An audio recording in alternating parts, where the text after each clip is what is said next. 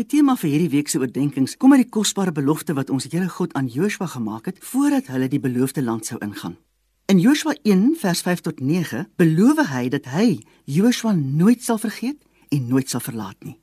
Daar was ook die wetboek wat Moses hom gegee het wat Joshua moes lees en gebruik in elke besluitneming. Maar nou wil ek eers oor iemand anders ter wonder. Abraham, die vader van alle gelowiges. Genesis 12 berig daaroor dat die Here dit vir Abraham gesê het: "Gaan uit jou land, uit jou familie, uit jou vader se huis, gaan na waar ek jou sê om te gaan." Ook hy kry die belofte van 'n groot naam en 'n groot nasie en oorvloedige seën.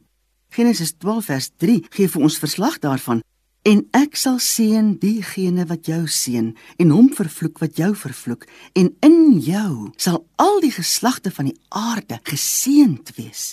Abraham is weg uit Er, maar hy het nooit grond besit behalwe die spelonk van Magpela waarin hy Sara begrawe het nie. Ook die belofte van 'n nageslag so groot soos die sterre aan die hemel en die sand op die seestrand het Abraham nie gesien nie. Hy het Ismael gehad en toe vir Isak en na Sara se dood ses kinders by Ketura. En in sy lewenstyd het Abraham nie eers soos Joshua 'n wetboek gehad nie. Nou wat het hy gehad? Verhouding. Abraham het 'n intieme verhouding gehad met die Almagtige.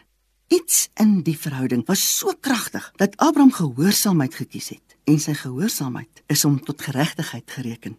Daarvan is selfs in die Nuwe Testament verslag Jakobus 2:23 lees En Abraham het God geglo en dit is hom tot geregtigheid gereken en hy is 'n vriend van God genoem. Wat sou die belangrikste elemente van die verhouding gewees het? God moes vir Abraham 'n werklikheid gewees het. So 'n werklikheid dat hy presies geweet het wanneer dit God is wat met hom praat en ook wat hy met hom praat. God was vir Abraham so 'n werklikheid dat hy hom in alles gehoorsaam het. Selfs toe hy gevra is om die seun van sy belofte te offer, Hierdie daad was 'n toets nie net vir gehoorsaamheid nie, maar ook vir aanbidding.